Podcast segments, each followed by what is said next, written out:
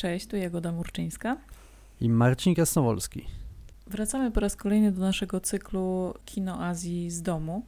Chcemy Was zabierać e, w podróż do azjatyckich krajów, podczas gdy ciągle jeszcze podróże zagraniczne są mocno ograniczone albo wręcz niemożliwe. Dzisiaj chcielibyśmy powędrować w trochę może mniej oczywiste rejony niż ostatnio, w rejon Azji Południowo-Wschodniej, a dokładniej do Malezji i do Singapuru. Malezja i Singapur to są takie kraje, o których chyba się niewiele mówi w Polsce w ogóle i też niewiele filmów stamtąd trafia do naszych kin. Zaryzykowałem nawet stwierdzenie, że w ogóle filmy malezyjskie nie trafiają do polskiej dystrybucji. Całe szczęście trochę tych filmów trafia na festiwale. My na Pięciu Smakach zawsze staramy się coś z Malezji mieć w programie, dlatego że jest to kinematografia bardzo ciekawa, a Malezja jest niezwykle interesującym różnorodnym krajem i to w, w filmach malezyjskich doskonale widać. Myślę, że to są filmy bardzo ciekawe, zwłaszcza w dzisiejszych czasach. Malezja jest krajem multietnicznym, musi sobie radzić z wieloma wyzwaniami związanymi z godzeniem różnych religii, z różnych języków, różnych grup e, kulturowych. No jest to oczywiście wyzwanie, przed którym stoi w tej chwili cały świat, więc myślę, że tutaj tą kinematografię warto śledzić. No ale oczywiście, ponieważ bardzo zależało nam, żeby ten cykl podróżniczy był trochę o filmach, które są u nas dostępne w jakikolwiek e, sposób, no było to rzeczywiście duże wyzwanie, jeśli chodzi o ten rejon bo tych filmów nie ma wiele, ale okazuje się, że jednak coś uda się znaleźć i jest tych tytułów całkiem sporo. Ale ponieważ to właśnie jest kraj bardzo mało u nas znany, zwłaszcza jeśli chodzi o kinematografię, myślę, że zaczniemy od takiego wstępu, jak w ogóle e, wygląda to społeczeństwo i w jaki sposób ta struktura społeczeństwa odbija się na kinematografii. Powiedzmy e, od razu, że Malezyjczyków jest 31 milionów, czyli jest ich mniej niż Polaków i są narodem bardzo różnorodnym etnicznie i 60% tej ludności to są e, Malajowie, 30% to Chińczycy, 10% to Hindusi i Pakistańczycy. Połowa mieszkańców Malezji to ludzie, którzy wyznają islam. Następnie jest trochę Hindusów, buddystów, chrześcijan. Jest także rdzenne plemienia, które żyją na tych terenach od, od długiego czasu, mają swoje lokalne wierzenia. Także jest to, no, można powiedzieć, tygiel kulturowy co wynika z, z, historii Malezji i w kinie ta różnorodność coraz częściej dochodzi do głosu. Jeśli ktoś się głębiej interesuje tematem, to może warto dodać, że jest to islam sunnicki, ale faktycznie bardzo specyficzny dla Malezji i taki, zwłaszcza na prowincji, mocno nasiąknięty tymi lokalnymi wierzeniami. I to ma bardzo duże znaczenie dla kina, zwłaszcza jeśli chodzi o horrory, ale o tym jeszcze będziemy mówić. Rzeczywiście tutaj te wierzenia są bardzo ciągle mocno żywotne, a przynajmniej szeroko znane, więc to ułatwia korzystanie z nich przy budowaniu fabuł filmowych. Ale ta ciekawa mieszanka kulturowa w zasadzie kształtowała to kino od samego początku. Bo kiedy kino malezyjskie w ogóle powstawało w, na początku XX wieku, to znajdowało się pomiędzy dwiema dużymi, znaczącymi kinematografiami, to znaczy między kinematografią chińską a indyjską. Na samym początku istnienia tej kinematografii wytwórnie, studia produkcyjne byli prowadzone przez Chińczyków, w tym także słynni bracia Shaw byli na przykład działający także w Hongkongu. Hmm. E, no i to jest bardzo mocne, jeżeli ktoś zna tę tradycję, no to jakby od razu wiadomo, e, czego tutaj się e, spodziewać. Natomiast znaczna część ekip i sami reżyserzy czy twórcy scenariuszy rekrutowali się z ludności indyjskiej, więc wpływy kina indyjskiego były tutaj znaczące. No a z kolei Malajowie byli też zatrudniani jako scenopisarze, często no i, i jako aktorzy. W związku z czym powstawały tam rzeczywiście przedziwne takie hybrydy na styku kultur, między innymi bardzo dużo musicali. Oczywiście to ze względu na no, tą tradycję indyjską, filmy łączone z piosenkami i z tańcami ale też były tam elementy opery kantońskiej i pekińskiej, więc taka rzeczywiście takie zderzenie bardzo egzotyczne. Te filmy były tworzone oczywiście z myślą o szerokiej widowni, do, chcia, chciały dotrzeć do jak największej grupy widzów. Ale kiedy w latach 70. trochę ta era studiów, wielkich studiów filmowych dobiegła końca, kiedy trochę inaczej zaczęła wyglądać ta polityka e, kinowa i też ze względu na polityczne zmiany zachodzące w Malezji, która wprowadzała coraz więcej takich regulacji prawnych zmierzających do tego, żeby tą grupę Malajów wynieść jako taką grupę dominującą, Wówczas ta struktura filmowa się nieco zaczęła zmieniać, z naciskiem właśnie na filmy powstające w języku malajskim.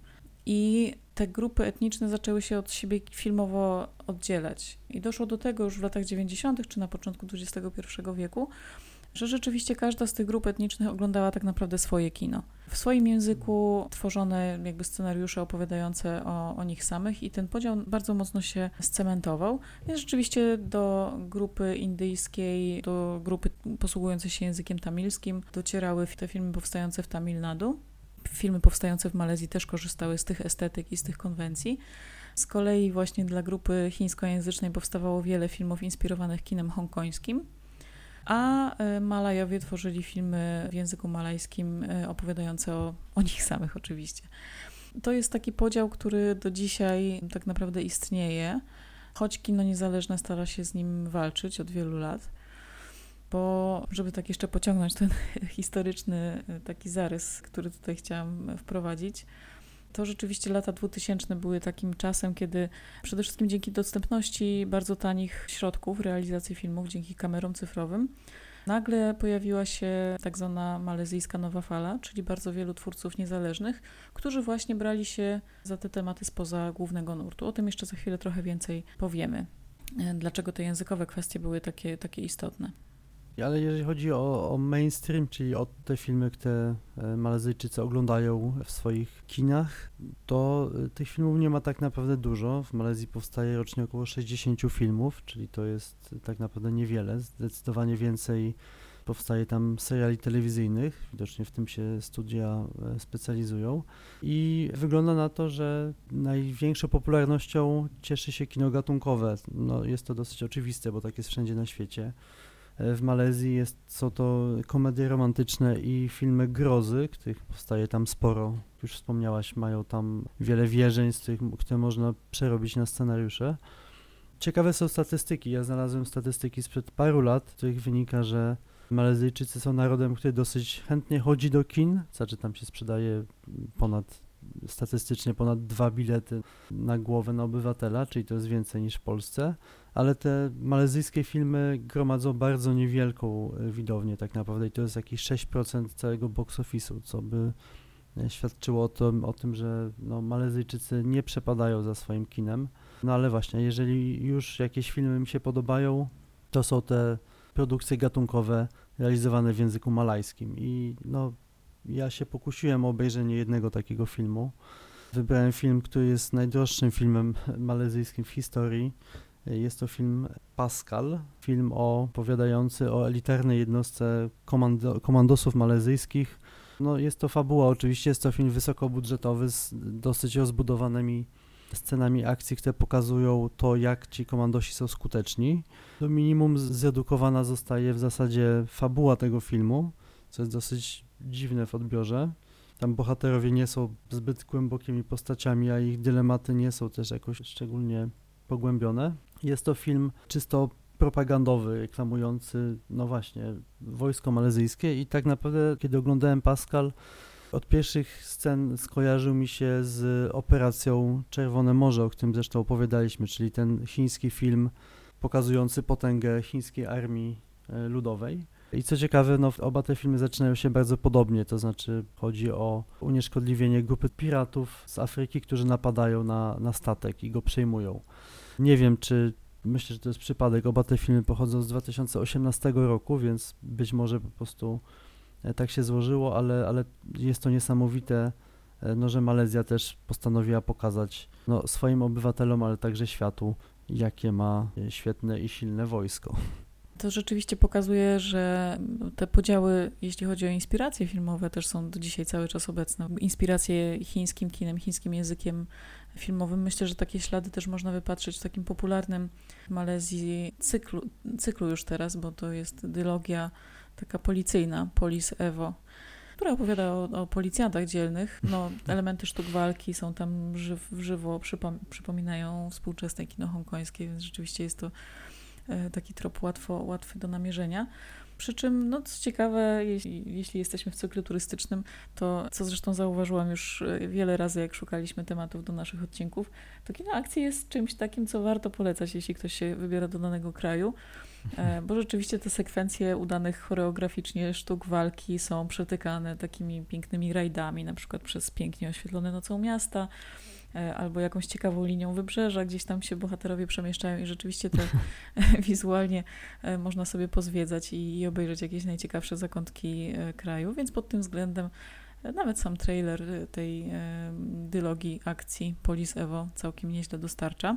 A jeśli jesteśmy już przy podróżach, no to w tym wątku nie, nie może też zabraknąć takiego filmu, który też był jednym z ogromnych hitów box office'u. I to jest film, który się nazywa po prostu Podróż, The Journey z 2014 roku.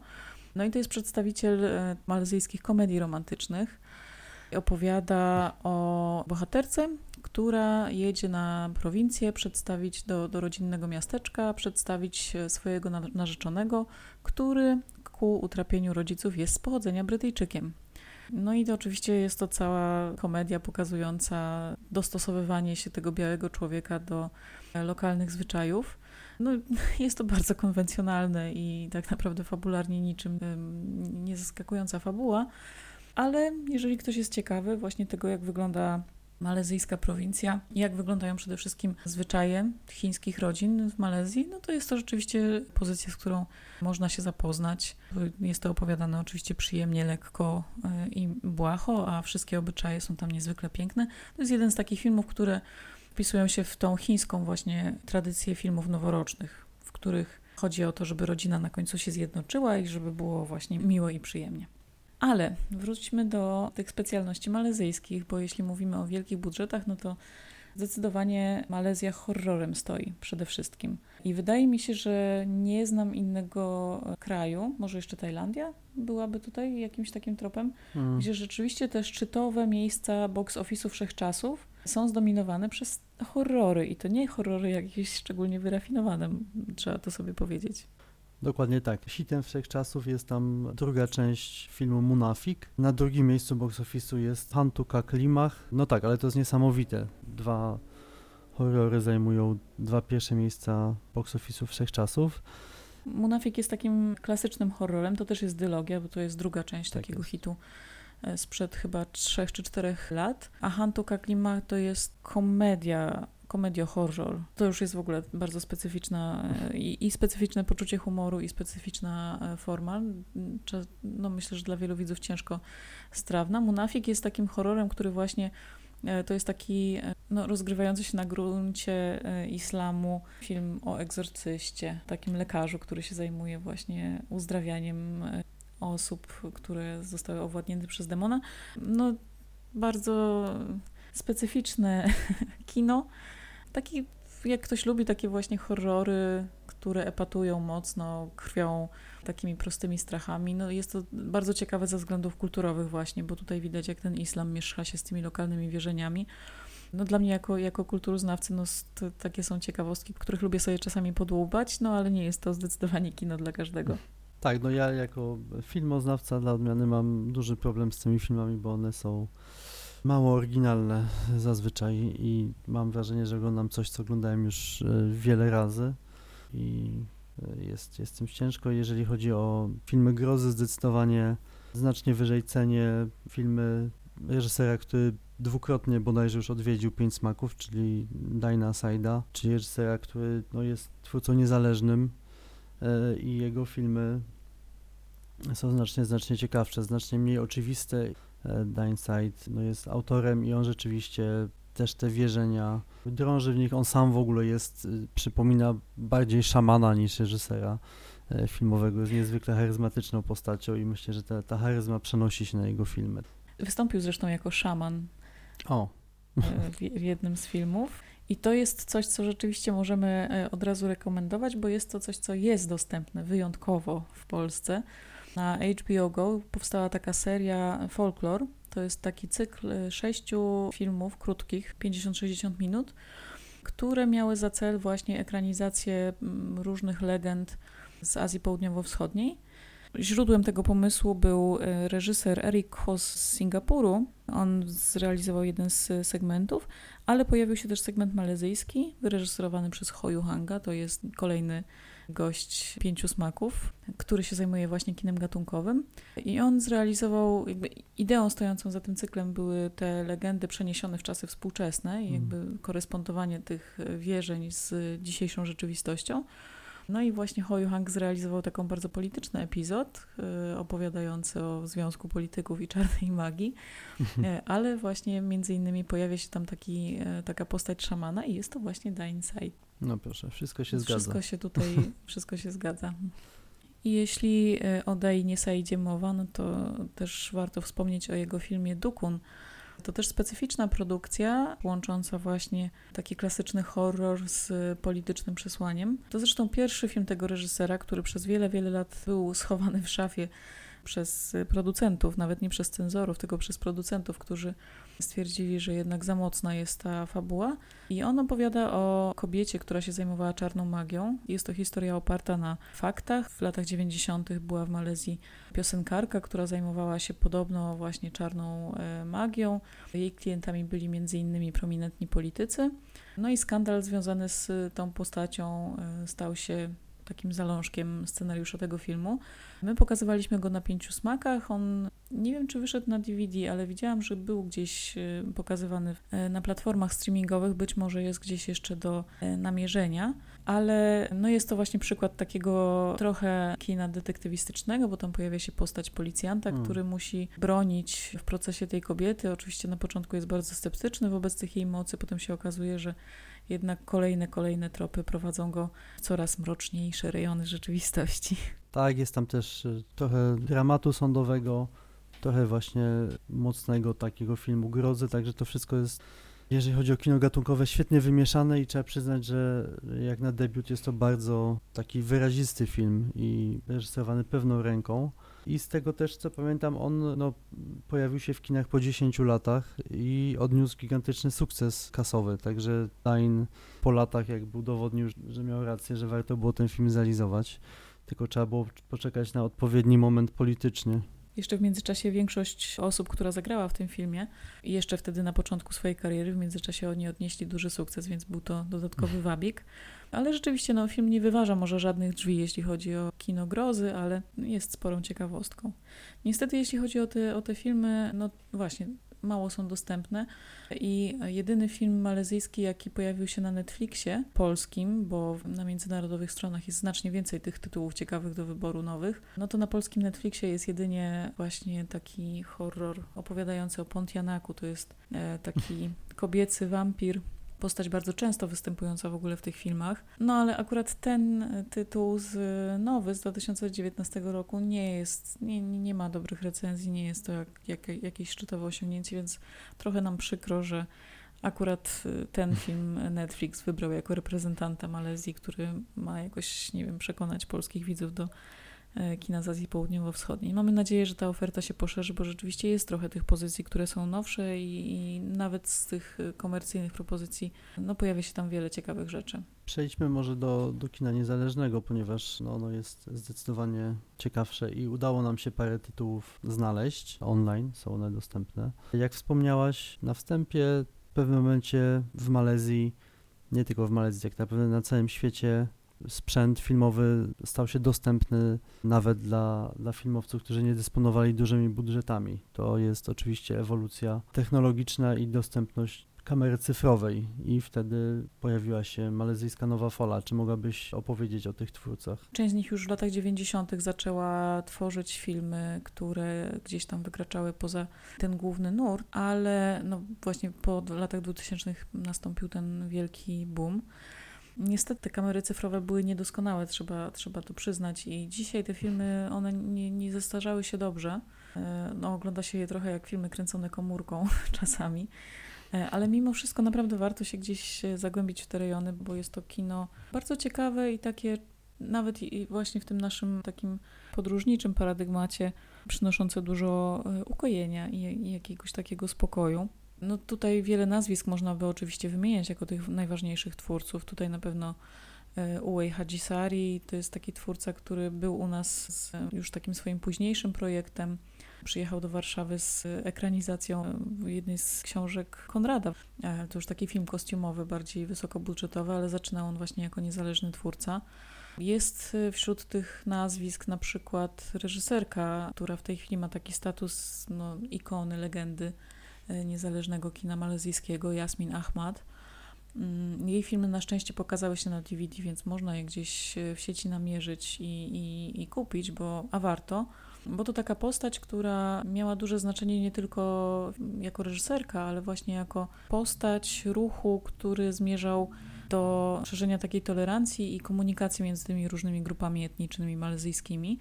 Te jej filmy, one są dosyć proste w odbiorze, bo ona kierowała je do masowej publiczności. Bardzo zależało jej na tym, żeby ludzie rozmawiali i oglądali te filmy właśnie nie tylko w swoim języku. To są takie proste historie o młodych ludziach zazwyczaj, które przełamuje tabu, ale nie w taki szokujący sposób tylko pokazując historie bliskie życiu. Wśród tych filmów jest na przykład Sepet, taka trochę historia Romo i Julia o młodych ludziach z, z dwóch różnych grup etnicznych, muzułmańskiej i chińskiej, które wchodzą ze sobą w związek. Jest wśród tych filmów Talent Time, to jest też taka szkolna historia o konkursie talentów, trochę takie gli malezyjskie.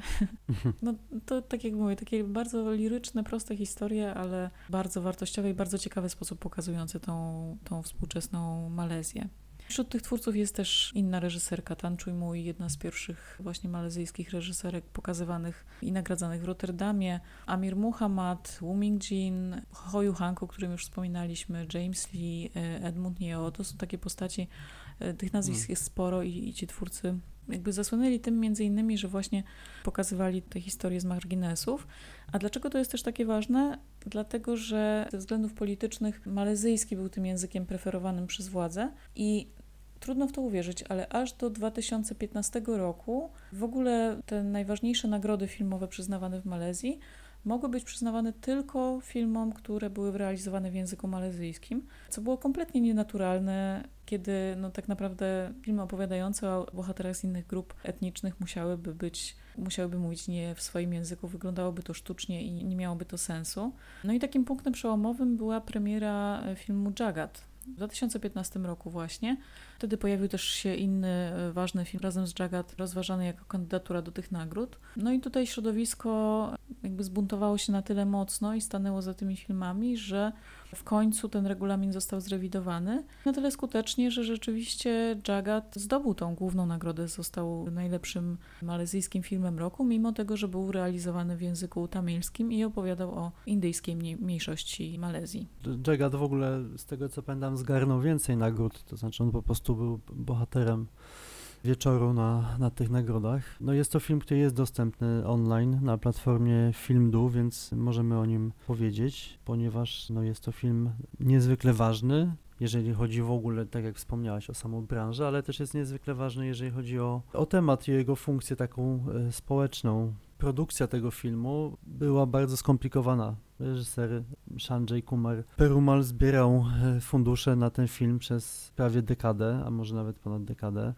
I kiedy już udało mu się te pieniądze zebrać, pojawił się kolejny problem, ponieważ on, akcja filmu osadzona jest w konkretnym czasie, jest to początek lat 90. I kiedy e, Sanjay zebrał e, już te pieniądze, okazało się, że Malezja wygląda inaczej. Te lokacje, które, o których on marzył, już po prostu nie istniały, więc produkcja miała duży problem, żeby znaleźć odpowiednie miejsca, ale udało się i powstał film, e, koniec końców, bardzo mocny i bardzo autentyczny. Jest to film po pierwsze o dorastaniu, dlatego że bohaterem jest 12-letni chłopiec. Po drugie jest to film, który operuje gdzieś kliszami kina gangsterskiego. To, co jest ważne, to to, że bohaterami filmu Jagat są Malezyjczycy indyjskiego pochodzenia. To jest mniej więcej 10% mieszkańców Malezji i są to ludzie, którzy według statystyk najczęściej mają problemy z prawem i na początku lat 90. byli dodatkowo zmuszani do przeprowadzki z, ze wsi do miast, w którym żyło im się bardzo trudno i mieli problemy z tym, żeby no, związać koniec końców, co prawdopodobnie sprawiało, że często dochodziło wśród nich do przestępstw i głównym bohaterem jest ten chłopiec, na którego wszyscy mówią Apoi, ale to nie jest jego imię, to jest po prostu Apoi, to znaczy chłopiec, to jest taka jego ksywa można powiedzieć. I Apoi jest tak naprawdę zwyczajnym dwunastoletnim dzieckiem, tam widać, że on się fascynuje na przykład Michaelem y, Jacksonem, ale no jest takim psotnikiem, który no, z jednej strony jest miłym dzieckiem, a z drugiej widać, że ciągnie go do, do psot. Jego ojcu zależy bardzo na tym, żeby, żeby Apoy odebrał dobre wykształcenie, które zapewni mu pracę. No a chłopiec coraz mocniej fascynuje się braćmi swojego ojca, to są, to są gangsterzy, którzy no, ciągną go na, na ciemną stronę mocy. No i tutaj powstaje pytanie, która strona będzie bardziej atrakcyjna i którą stronę tak naprawdę pójdzie życie tego e, chłopca. E, tak, to jest e, film na poły autobiograficzny. Rzeczywiście Sanjay Kumar był tutaj naszym gościem i opowiadał, że wiele tych wątków, które tam umieścił, też oczywiście zna z, ze swojego własnego dzieciństwa. W tej chwili Malezja już tak nie wygląda, ale te wspomnienia jego są bardzo żywe i on pamięta taką kulturę z jednej strony takiego maczyzmu, szacunku dla tych przestępców, z drugiej mm. strony nacisk rodziców na próby wyrwania tych dzieciaków z tego środowiska, nacisk na edukację i taki, no z jednej strony właśnie model przemocowy, z drugiej strony troska o to, żeby dzieciaki nie powtarzały tego losu rodziców, którzy znaleźli się w bardzo trudnej sytuacji. No i jest tam też rzeczywiście portret takiego bardzo patriarchalnego społeczeństwa i Sanjay opowiadał o tym też, że bardzo mu zależało na tym, mimo tego, że krytykowały go środowiska feministyczne, że, że w tym filmie nie ma prawie kobiet, ale on po prostu starał się pokazać właśnie tą rzeczywistość, w jakiej się wychował. Nie jest to zdecydowanie łatwy seans, ale bardzo mocny, bardzo ważny film i pokazujący naprawdę wielki kawał historii Malezji w takiej pigułce mimo tego niskiego budżetu, którym e, dysponował, reżyser widać, że wiele serca włożył e, w tą produkcję, że jest to coś oczywiście wyjątkowego, znakomita też ścieżka dźwiękowa, która się tam o, tak, wspaniale tak. wyróżnia. Także Jagat jest, jest seansem absolutnie obowiązkowym, jeżeli współczesnym e, kinie malezyjskim. Oj tak, ścieżka dźwiękowa jest, jest niesamowita, bardzo, bardzo też na mnie dużo zrobiła wrażenie. I nieoczekiwanie film odniósł rzeczywiście spory sukces w tym roku. Poza tymi nagrodami też cieszył się uznaniem publiczności. No a właśnie trudno było zebrać na niego budżet, między innymi dlatego, że producenci w ogóle nie wierzyli, że coś takiego zrealizowanego w języku tamilskim, a nie będącego musicalem i równocześnie mówiącego o problemach społecznych, a skierowanego teoretycznie do bardzo wąskiej grupy, no ma szansę na jakikolwiek sukces, a okazało się, że wręcz przeciwnie, że da się robić takie kino i, i trafiać do ludzi, co jest bardzo dobrym sygnałem. Ale cofając się trochę w czasie, bo te filmy, które są dla nas dostępne, to filmy sięgające do właśnie co najmniej dekady wstecz. Na YouTubie można znaleźć kanały dwóch studiów produkcyjnych, właśnie takich niezależnych. I to jest Doghouse 73 Pictures i Greenlight Pictures. I na tych kanałach można znaleźć sporo krótkich metraży i nawet kilka całych filmów, które są już dzisiaj takimi klasykami tego malezyjskiego nowofalowego kina. Dla mnie ciekawym na przykład filmem był y, The Big Durian. To jest dokument. Rzadko mówimy tutaj o dokumentach, ale on ma taką swoją wartość dodaną. To jest film Amira Muhammada, jednego z takich właśnie pionierów tej malezyjskiej nowej fali. E, I to był pierwszy malezyjski film pokazywany na festiwalu w Sundance. I to jest taki dokument trochę fabularyzowany, pokazujący Kuala Lumpur właśnie z lat 2000. E, I reżyser tam opowiadał o takim epizodzie żołnierza, który zaczął, dostał szał, zaczął strzelać do ludzi. Był to, była to dosyć dramatyczna sytuacja, ale tak naprawdę to jest tylko punkt wyjścia do e, pokazania tego, w jaki sposób ludzie, mieszkańcy tego miasta zareagowali na tą sytuację, na to, co się wtedy działo. I te osoby, które się wypowiadają w tym dokumencie, stanowią przekrój tak naprawdę wszystkich klas i wszystkich społeczności stolicy Malezji. I tak naprawdę nawet dla mnie nie był ważny sam ten epizod, czy, czy sam, sam ten temat tego filmu, tylko obserwowanie tych przeróżnych ludzi, którzy mieszkają, dzielą ze sobą to miasto, czują się albo nie czują się za niego odpowiedzialni.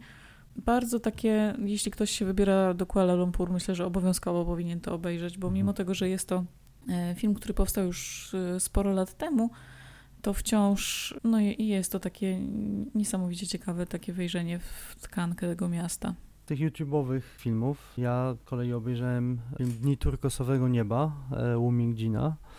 Jest to film, który w jakiś e, tam sposób sparował mi się nawet z Jagatem, bo to też jest opowieść o kilkunastoletnim chłopcu, uczniu. Cały film tak naprawdę też jest taką historią o dorastaniu, ale jest, jest filmem bardzo, można powiedzieć, łagodnym i niewinnym.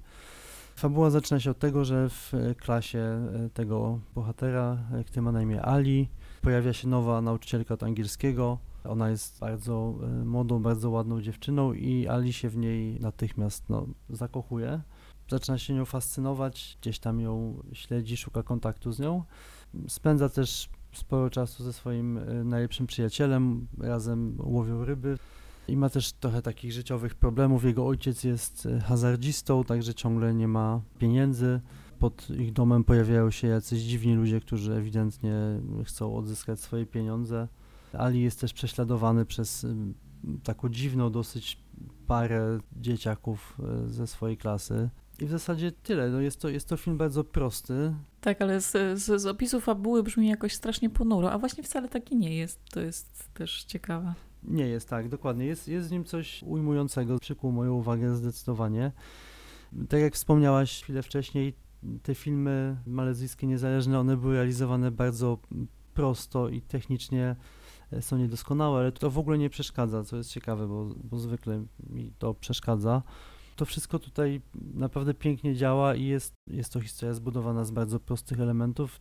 Przypuszczam, że jest po części autobiograficzna.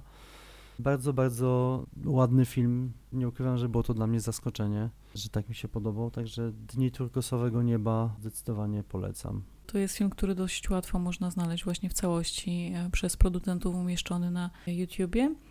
No, to jest chyba też jeden z takich filmów Wu Mingchina, który on realizował, to jest film telewizyjny, on go realizował z myślą o e, bardzo szerokiej publiczności. Pozostałe jego filmy, te, które podbiły międzynarodowe festiwale, E, są może troszkę trudniejsze w odbiorze, ale jeśli, jeśli na nie traficie, to też zdecydowanie jest to nazwisko, którego warto szukać. My robiliśmy jego retrospektywę na pięciu smakach już też sporo czasu temu, więc pewnie wielu naszych nowych widzów nie miało okazji spotkać się z tym twórcą, a no, jego filmy tak jak Słoń i Morze, Kobieta w ogniu szuka wody, no to są przepiękne, takie nieoczywiste, bardzo poetyckie, opowiadane z takim niesamowitym wyczuciem, bo nie ma tam ani jednego zbędnego elementu.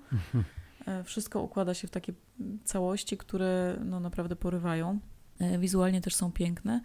E, no i jest to okazja, żeby spojrzeć na tą Malezję właśnie nie nowoczesną, nie na miejską, piękne, wysokie wieżowce, ulice i tak mm. dalej, tylko właśnie na tą Malezję gdzieś bardziej prowincjonalną, nieupiększoną, bo tam pojawiają się oczywiście trudne elementy tej rzeczywistości też, ale no i jest to naprawdę takie kojące kino, nawet jeżeli opowiada o trudnych e, elementach, to jest tam dużo takiego spokoju i takiej buddyjskiej filozofii, która gdzieś tam przewija się w tych filmach.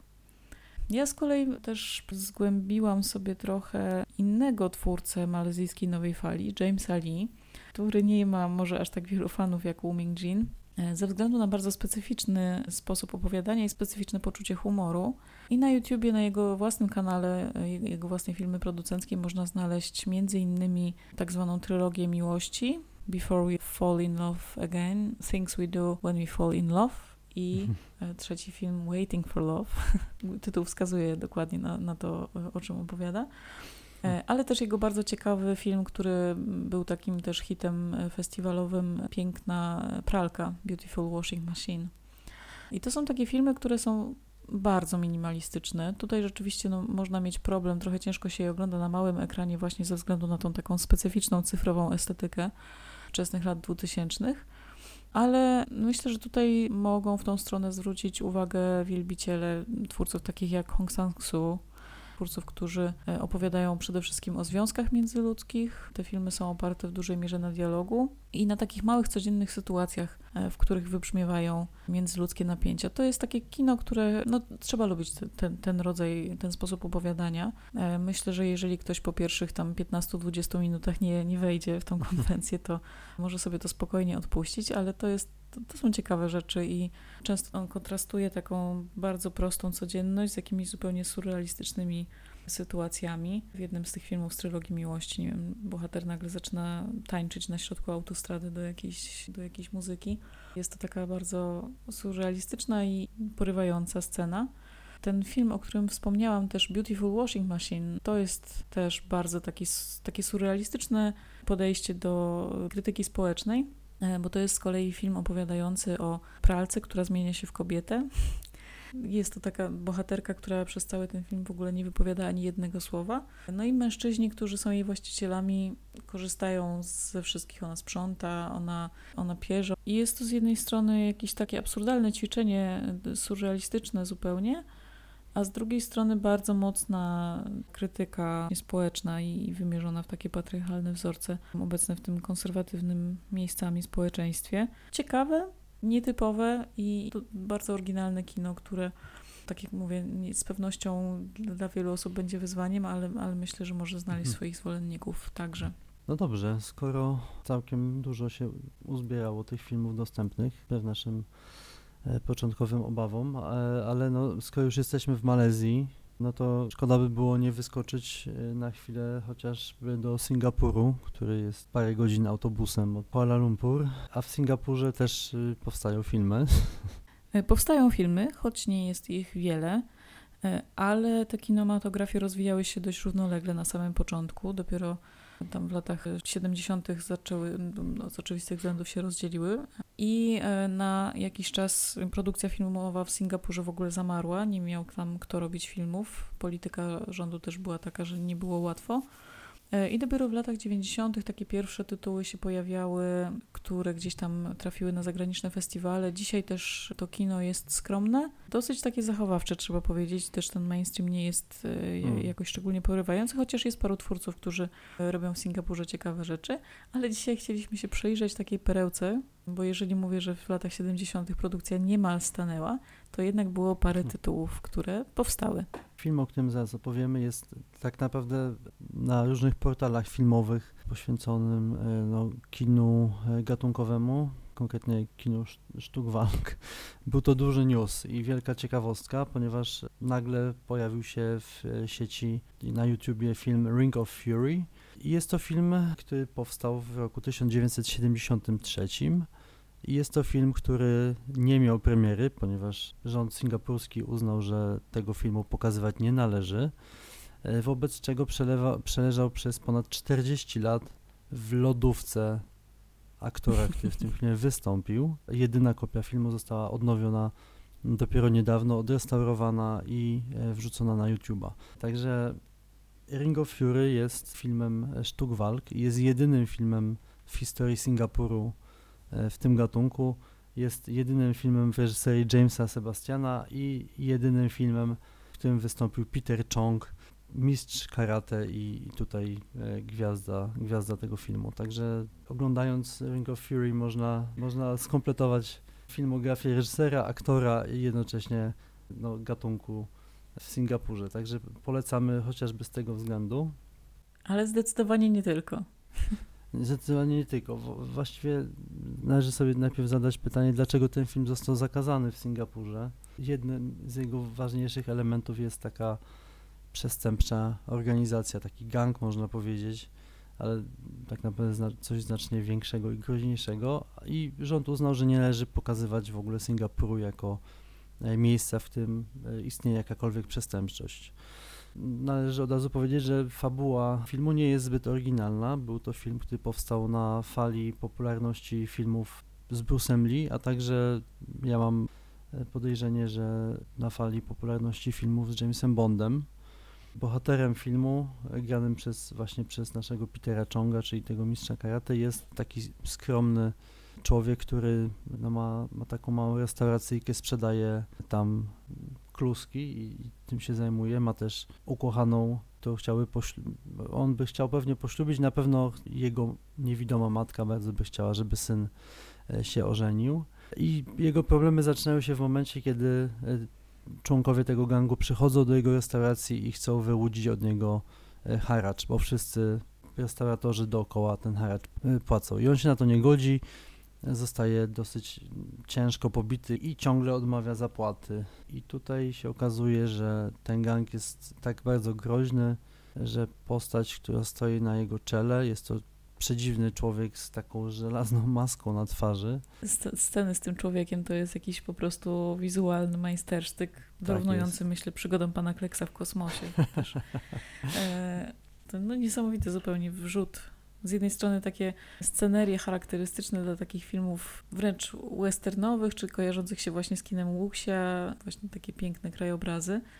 Mhm. E, a tutaj nagle taka scena w ogóle w neonach i ten człowiek siedzący na jakichś dziwnych krzesłach, no jest to fenomenalne. To, to jest niesamowite. No, nie będziemy dalej zadać fabuły, ale dość powiedzieć, że no, w pewnym momencie nasz bohater z, z pacyfisty musi stać się mścicielem. Najpierw musi oczywiście nauczyć się w ogóle walczyć i to też są niesamowite sekwencje.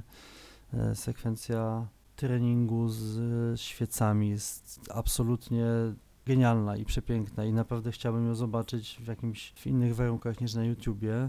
Może ktoś ją skopiuje w, w jakimś filmie nowym, bo, bo jest to wspaniałe. No ale tak, no, no, fabuła dalej toczy się w takim dosyć e, no, mało oryginalnym kierunku, ale e, to, co jest ciekawe i to, co od razu zwróciło uwagę miłośników filmów sztuk walk, to to, że te sceny, choreografia tam była dosyć znikoma i tak naprawdę Peter Chong walczył ze swoimi przeciwnikami, po prostu to się, to się działo naprawdę, co się bardzo rzadko zdarza w kinie. Ta przemoc tam jest taka dosyć no, dosłowna i mocna, także to jest ciekawe.